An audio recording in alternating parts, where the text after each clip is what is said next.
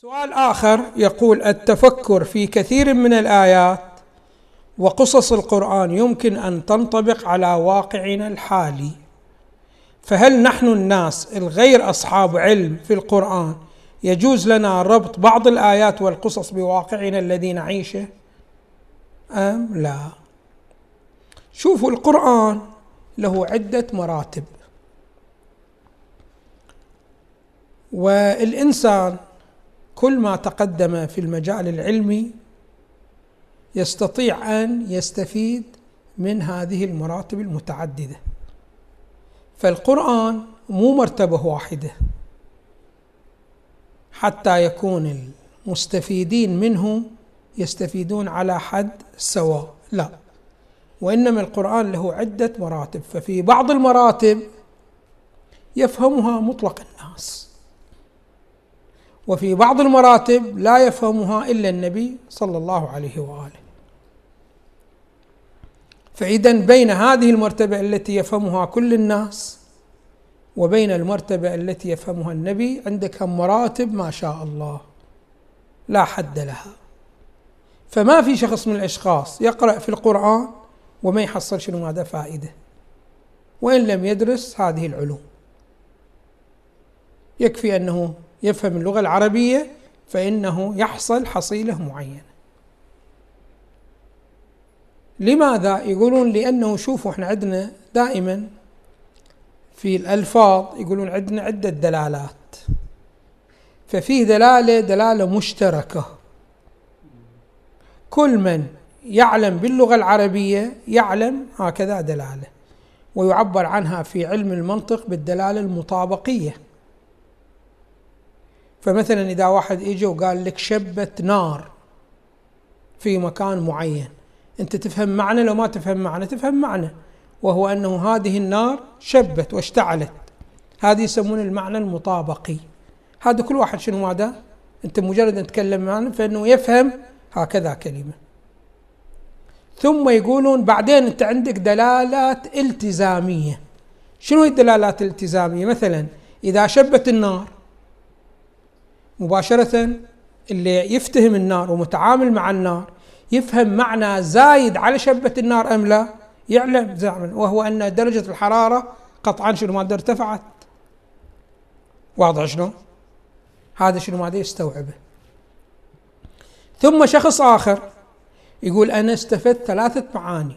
استفدت المعنى الأول وهو المعنى المطابقي واستفدت ارتفاع درجة الحرارة واستفدت انصهار الأسلاك الكهربائيه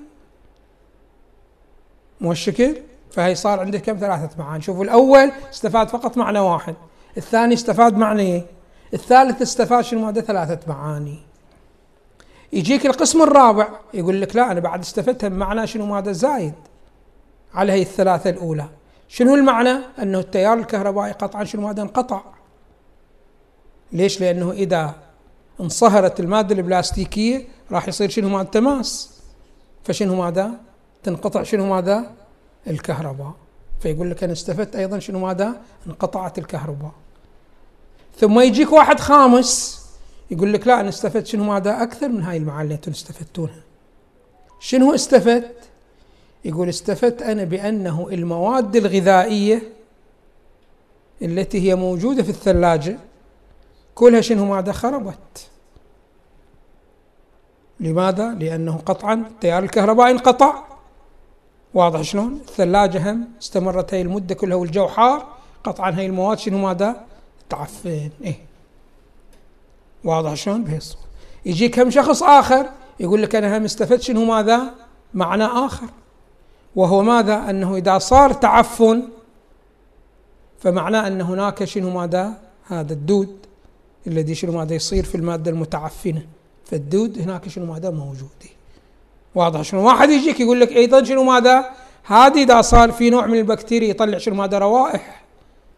جدا شنو ماذا؟ سيئة. فشوفوا هكذا. القرآن بهاي الصورة وبهذا النحو.